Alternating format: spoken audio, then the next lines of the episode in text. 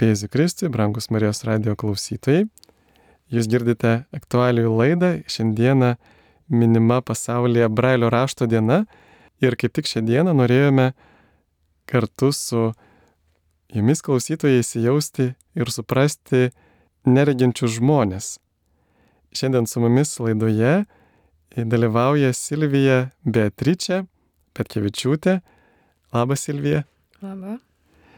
Ir ačiū, kad sutikote dalyvauti, dalintis savo vidiniu pasauliu, savo išgyvenimą, savo kūrybą.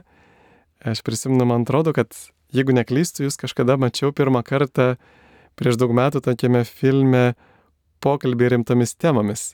Buvo toks reikalas. Ir man labai įstrigo būtent šitas epizodas su jumis, kada paklausė vedėja, ar tiki į Dievą.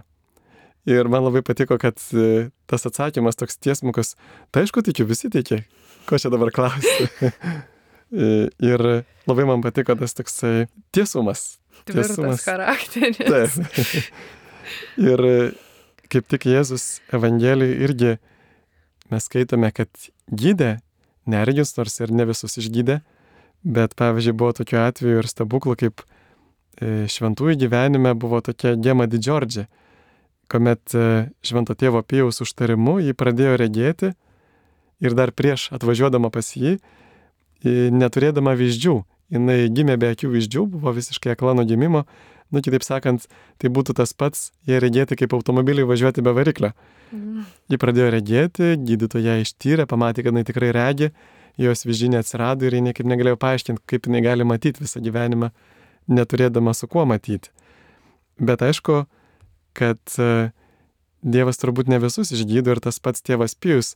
Kai kuriems žmonėms sakydavo, kad o tu geriau neprašyk išgydymo, nes, pavyzdžiui, vienai moteriai sakė, nes tu esi viena iš nedaugelio, kurie moka kentėti, bet žvelgiant į jūsų, arba gal galiu kreiptis į tave tu, Silvija, Taip. tai žvelgiant į, į tavo gyvenimą, atrodo, kad jis yra pilnas visko, labai gražios kūrybos ir dabar neseniai teko tave matyti ir girdėti per prezidento organizuotus maldos pusryčius, kada tikrai pagrojo nuostabius kūrinius ir vieną iš jų mes čia įrašėme studijoje, klausytojai turės progą jį išgirsti. Tai turbūt, Silvija, tu daug metų jau draugauji su muzika, ar ne? Na, iš tikrųjų, galima būtų teikti, kad beveik visą gyvenimą.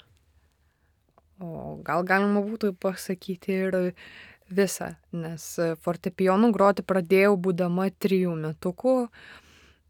Pradmenis parodė man tėtis, kadangi jisai taip pat šiek tiek draugavo su muzika vaikystėje savoj ir, ir jaunystėje. O vėliau aš tiesiog sėdėdavau prie instrumento ir jungdavau garsus, kurie mano klausai atrodė gražus, derantys. Ir taip įvyko, kad būdama maždaug keturių metų sukūriau pirmą savo kūrinį muzikinį fortepijonui. Bet kaip tavo vyksta išmokti groti neregint? Tai kuomet pradėjau mokytis muzikos mokykloje ir pradėjau groti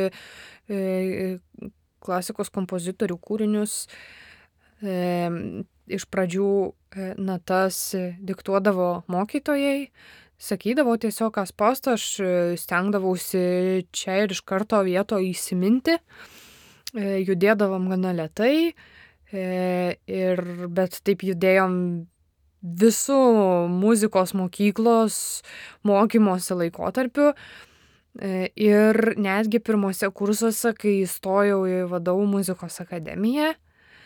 Ir vėliau, kadangi... Ir dabar jau turi du magistro diplomus iš muzikos akademijos, taip. Taip, bet kadangi kažkur gal antram kursai jau kokiem nu, pastebėjom, kad tikrai programos didelės, laiko mažai, reikia greičiau padaryti viską, tai tiesiog kreipiausi į tam tikrus fondus, kurie paremtų mano sugalvotą projektą padaryti audio natas, kad tam tikri profesionalai, skaitovai, muzikantai e, galėtų įskaityti, įdiktuoti natas į audio, kaip, kaip kad audio knygą padaryti.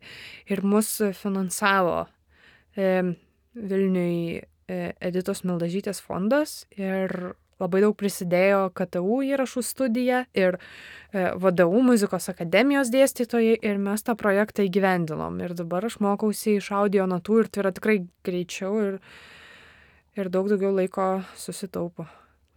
Ir dabar gali bet kuris neregintis žmogus laisvai mokytis e, groti iš audio natų, kurias. e, Gali, tik tai mes jų na, neplatinam. Ta prasme, kol kas šiai dienai e, arba turėtų tada savo audio natas įsirašyti, arba turėtų kažkaip kreiptis į mus, bet mes irgi ne visus kūrinius turim, nu visų pasaulio kūrinių neįrašysi. Ką tau reiškia apskritai muzika? Muzika, aš e, drįstu teikti kartais, kad tai yra mano pašaukimas gyvenime, nes e, kiek aš save atsimenu nuo pat mažumės, e, visą laiką muzika buvo mano gyvenime.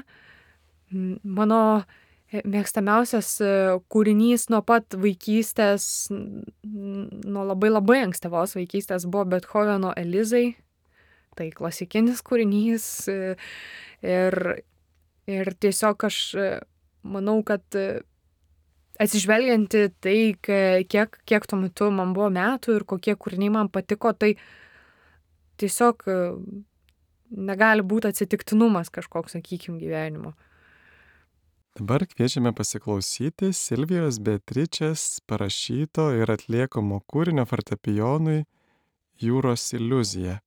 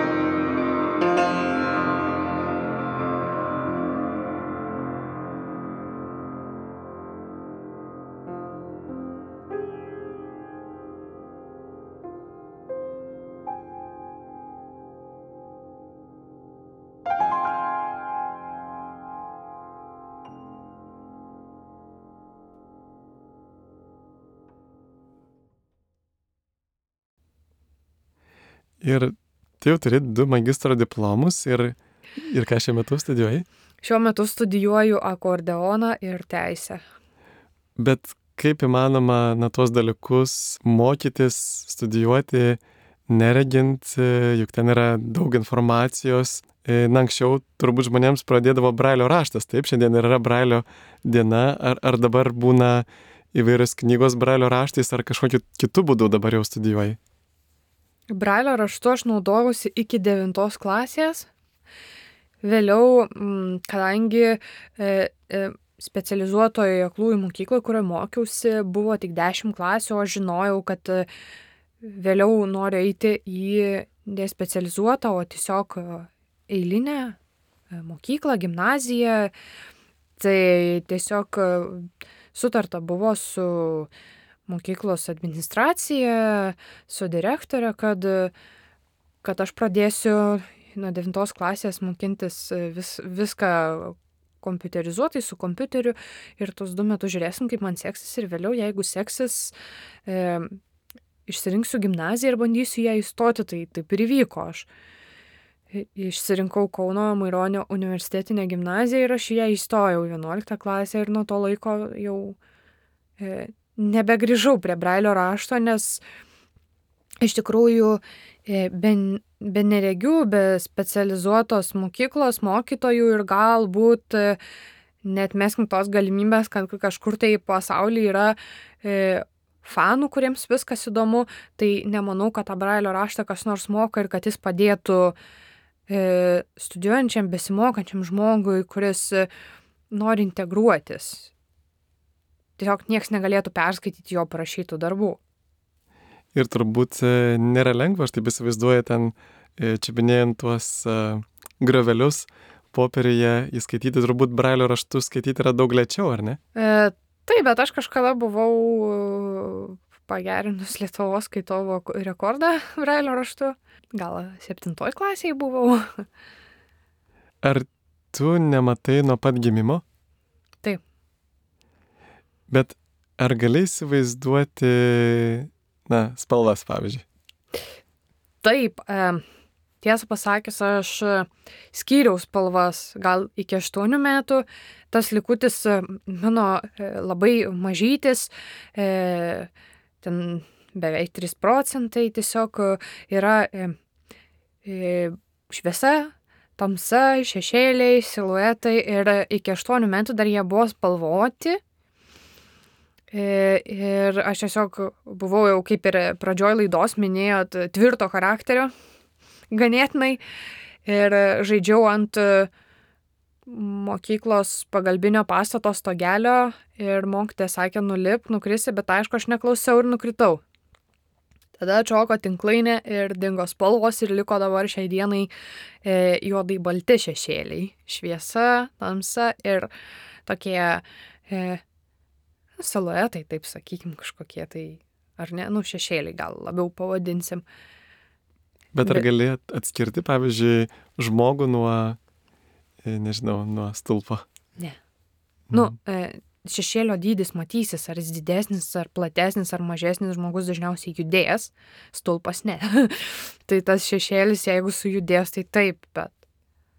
Ir dar šiaip žmogus dažniausiai kvepuoja, tai čia jau mm. ne, niekaip žmogus su stulpu nesumaišysiu, bet jeigu reikėtų atskirti mašiną arba, pavyzdžiui, nežinau, kitą kokį didesnį daiktą, tai sunkiai.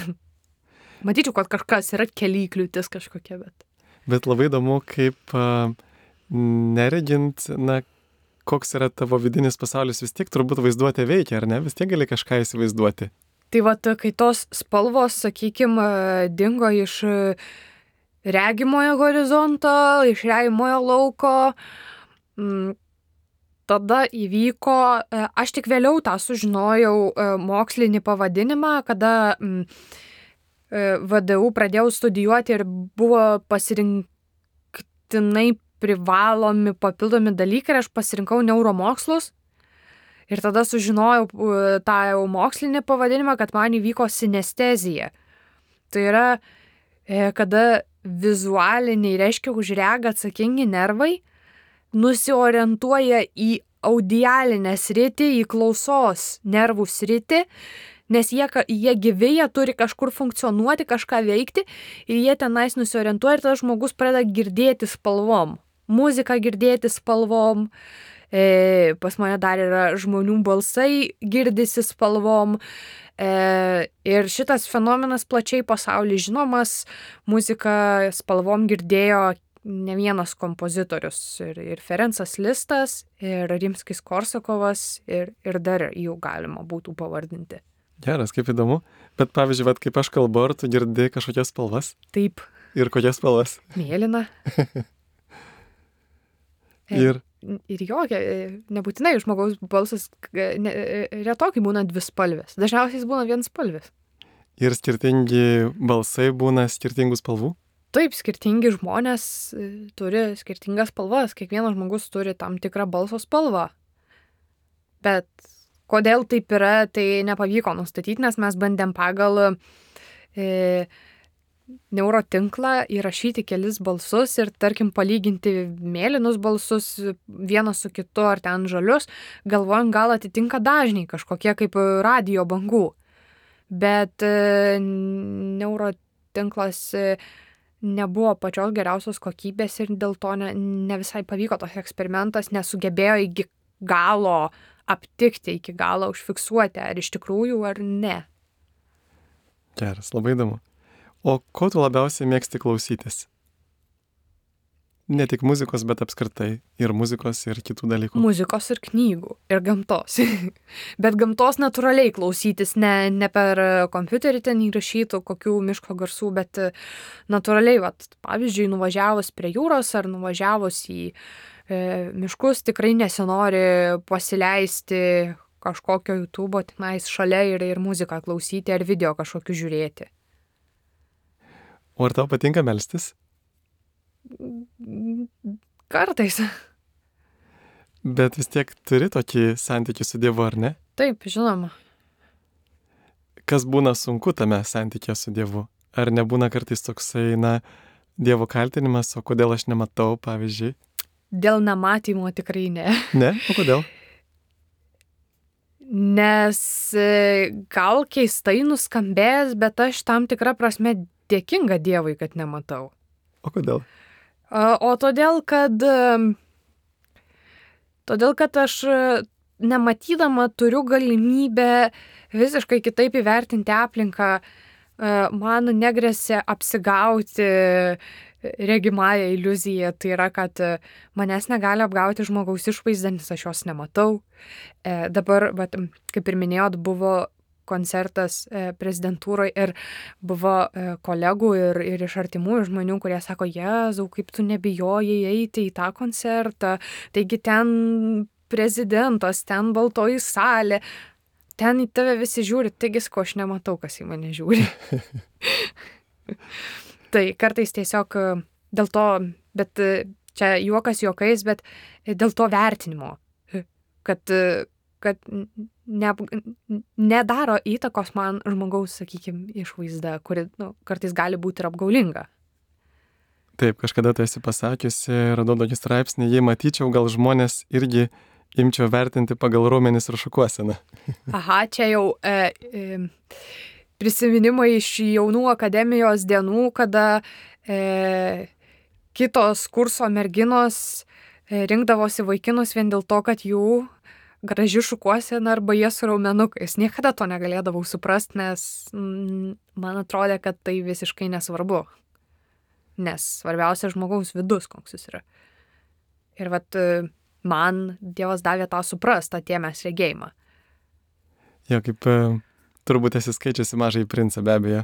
Mm, e, žiūrėjus tik tai, ne, skaičius nesu, e, esu žiūrėjus ir tarp kitko esu vaidinusi tenais jame. O kokią, kokį personažą? Lapė. Lapė.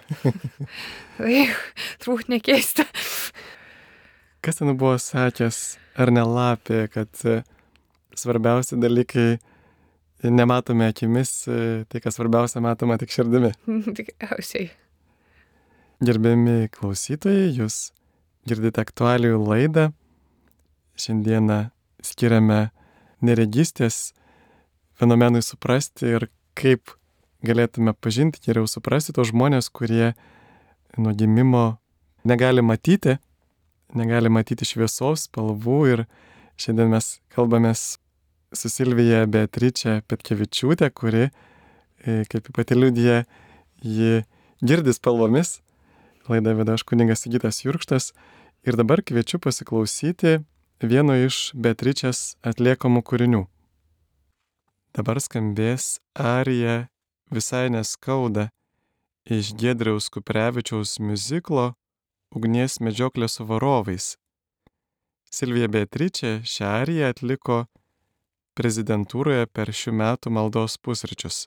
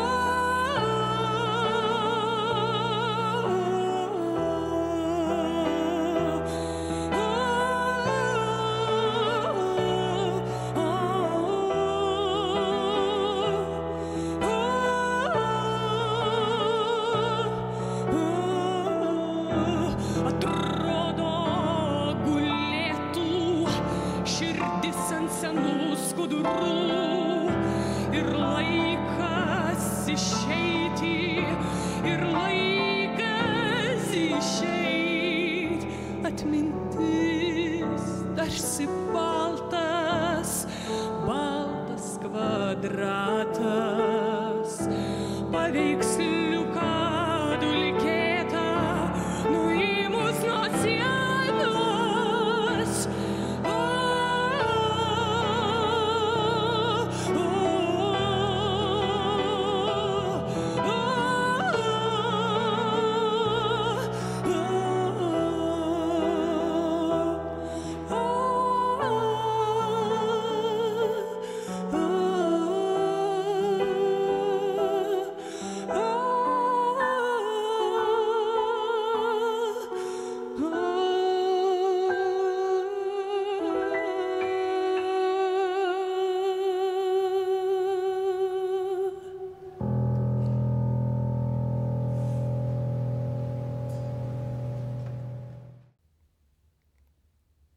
klausytojai, šiandien mes esame studijoje su Silvija Beatričia Petkevičiūtė, kuri yra e, muzikantė, poetė ir taip pat turi negalę, negali matyti.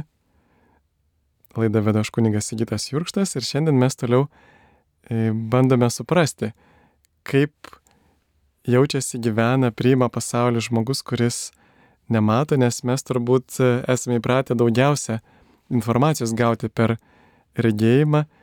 Ir e, jeigu neturime regėjimo, mes tuomet e, tampame netgi priklausomi nuo kitų žmonių, visą laiką reikia jų pagalbos, bet kita vertus niekada tuomet nelieki vienas, taip, tai kaip tau šitas rytis kada dėl e, negalėjimo matyti visą laiką turi tarsi prašyti kitų pagalbos. E, tikrai taip nėra. Aš e, kaip asmenybė esu visiška intravertė ir labai dažnai mėgstu būti viena su savim. Ir dažnai tenka pabūti. Ir ne tik tai norint pabūti viena su savim, su, su knyga, e, bet labai dažnai tenka ir kasdieną e, grojant, dirbant, repetuojant, e, būti vienai, nes tiesiog dirbant klasėje su, su savo mintim, su savo muzika labai sunku praktiškai neįmanoma yra dirbti, jeigu yra kitas žmogus šalia. Nebent kartu mėgini sukurti kažkokį muzikinę, kažkokią sintezę, kažkokį produktą, o šiaip tai dirbi dažniausiai vienas ir mm, tos pagalbos e, belieka prašyti tik tuo met, kada reikia, kaip aš sakau, nusigauti iš taško A į tašką B, e, įskaitant lauką. Tai yra kad pastatuose pagalbos man nereikia. Iš kito žmogaus kažkur nueiti. E, dažniausiai pagalbos reikia, kada nuvaž... reikia nuvažiuoti, sakykime, iš vieno pastato į kitą pastatą, e, tada jau sunkiau yra orientuotis, e, nes laukas yra gana plati erdvė ir gali būti įvairių kliučių ant kelio. Tai vad šitoj vietoj tenka prašyti pagalbos, bet tai padeda arba artimieji, arba draugai, ar dar kas nors. Tikrai nėra problema ir tikrai nesijaučiu perspausta žmonių, nes e, turiu pakankamai to laiko pabūti viena, gal net sakyčiau daugiau laiko pabūti viena negu, negu tarp žmonių. Na, greitai turbūt atsiras tokie autonominiai automobiliai su dirbtiniu intelektu, kurie galės patys nuvežti iš taško A į tašką B ir ta problema, manau, išnyks. Galbūt. o parapijose mes kartais žaidžiam tokį žaidimą, kai vienas turi užsirišti akis, kitas turi vesti, saugot nuo kliučių ir aišku, kartais kitas nesaugo, bet specialiai veda į kliūtis. O ar, ar seniai pavyko nugalėti tą baimę eiti, būti vedamai, kai nematai kelio?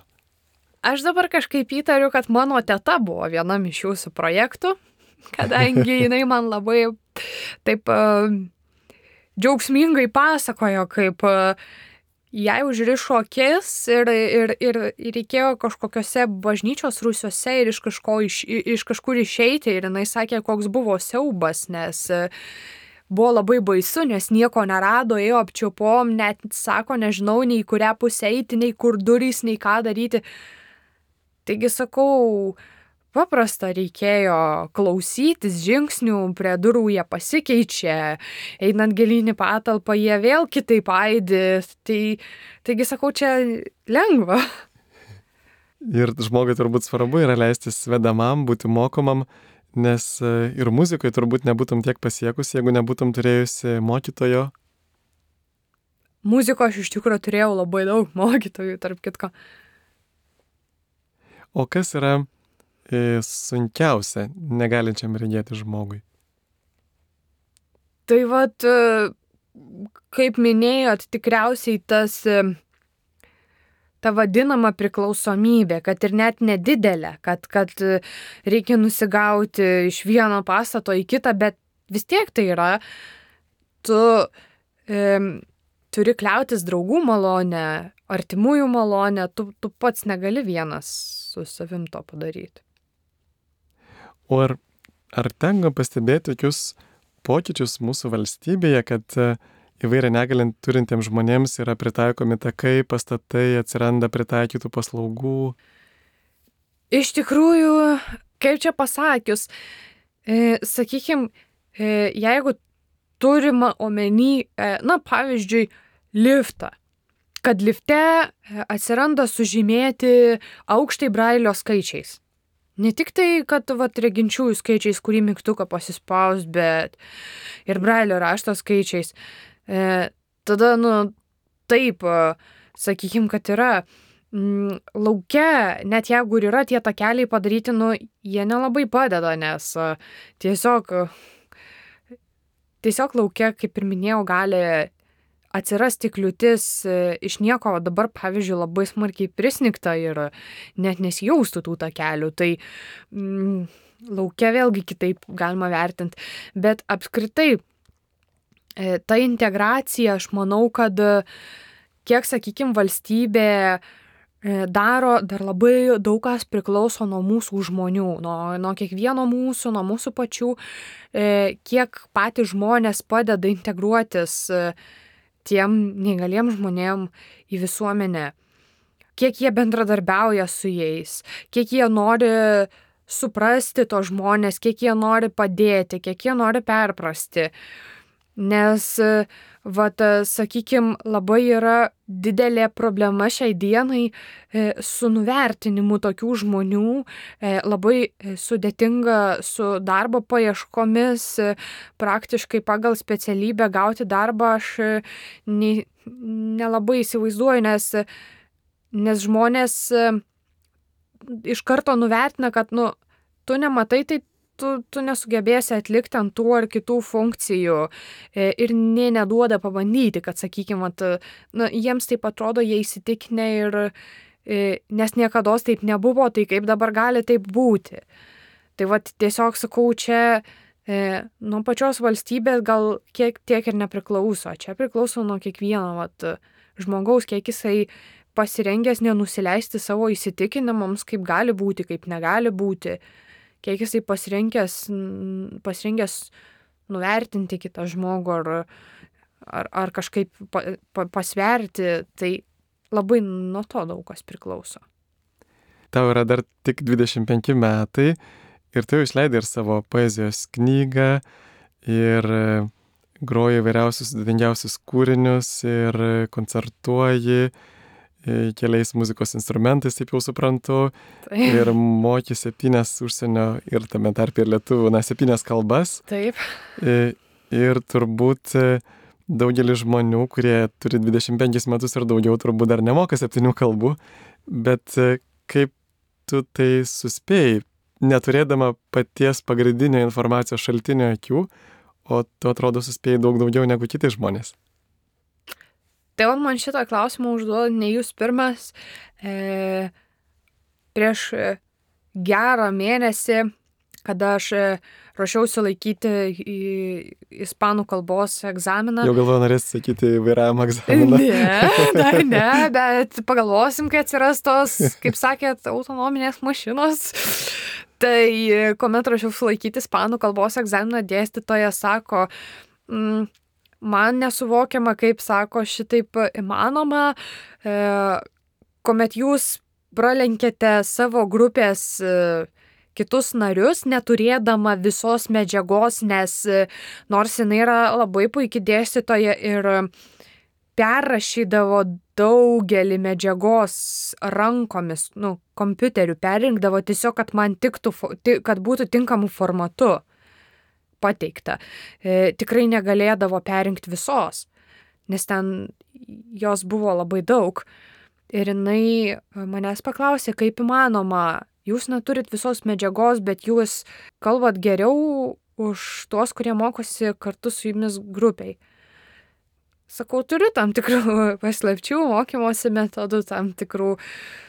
Mm, galbūt padeda ir tai, kad atmintis lavinta nuo pat mažens, kaip ir minėjau, nuo pirmos klasės. E, buvau priversta tiesiog norėdama toliau mokytis fortepijonu, buvau priversta e, įsidėmėti mokytojų diktuojamus muzikinius tekstus čia ir dabar. Ir ta atmintis, žinoma, lavin, lavinosi. Ir matyt, greičiau pavyksta įsidėmėti žodžius, jos atsiminti. Gal užsifiksuoja greičiau, aš taip bandau spėlioti. Silvija, o ką norėtum pabaigai irgi dar palinkėti, mes paskui dar pasiklausysime dar vieną tavo kūrinio, ką norėtum palinkėti tiems žmonėms, kurie galbūt, na, turi tam tikrą negalę, galbūt mažesnė, taip atrodytų negalę, kažko tai negali daryti, kad jie, na, neprarastų to, kaip čia pasakyti, džiaugsmo vilties, kad gali kažką gyvenime gero, gražaus padaryti net ir neturėdami visų galimybių. Galbūt mano pasakymas dabar pasirodys labai lengvabūdiškas ir galbūt bus žmonių, kurie pasakys, kad va, jai lengva taip sakyti, bet tikrai nelengva, nes pati praėjau viską.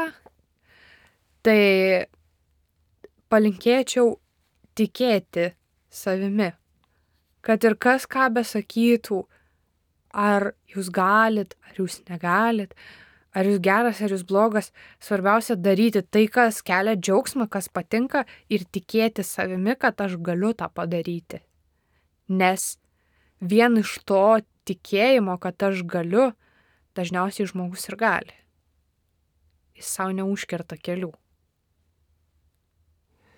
Taip, tai ačiū labai tau Silvija už šitą laiką, kuris skyriai už šį pasidalinimą, už tą tokį įkvėpimą ir savo pavyzdžių, kad e, negalė tikrai žmogaus nesuvaržo ir kartais kaip tik dar netgi paskatina dideliems žygiams. Aš irgi pažįstu visai nemažai žmonių, kurie turi negalį ir kurie yra ypatingai, pavyzdžiui, vienas žmogus, kuris e, turi susuktas rankas ir jis yra ypatingai gražiai piešia, kitas žmogus, kuris neturi, e, yra paralyžiuotas iki pusės ir yra, na, laimėjęs kažkokiuose tai vos ne olimpiadose. Mhm. Ir iš tikrųjų tie dalykai mūsų nesustabdo, bet e, kaip tik turbūt dar labiau paskatina. Turbūt galėtume žvelgti ir į mūsų dvasinį gyvenimą, kai vyksta tam tikri sunkumai ir tie sunkumai iš tikrųjų mūsų neturėtų sugniždyti, bet jie kaip tik Dievas išleidžia, kad jie mus sustiprintų, kad paskatintų dar labiau e, tausoti tą laiką ir dar labiau kurti. Tai, mėly klausytojai, jūs girdėjote aktualiai laidą. Šiandien kalbėjome Brailio dienos progą apie neregius, apie tai, kaip juos suprasti ir kaip atrodo pasaulis nematant spalvų ir apskritai nieko nematant. Ir šiandien su mumis savo patirtimi išvalgomis dalyjosi Silvija Beatričia Petkevičiūtė, laidą vedžio aš kuningas Įtas Jurkštas. Viešpatė Dieve mes tau patikėme ypatingai visus tos žmonės, kurie turi tam tikrą negalę, kurie turi įvairių sunkumų. Meldžiame suteikėms drąsos ir vilties nenusiminti, bet tvirtai remtis į tavo ranką ir eiti pirmin. Viešpats mus te palaimina, te saugo, te nuvedė jam žinai gyvenimą. Dabar Silvija Beatričia atliks dainą I Dreamed a Dream, turėjau svajonę iš filmo muziklo Vargdieniai. Sudė.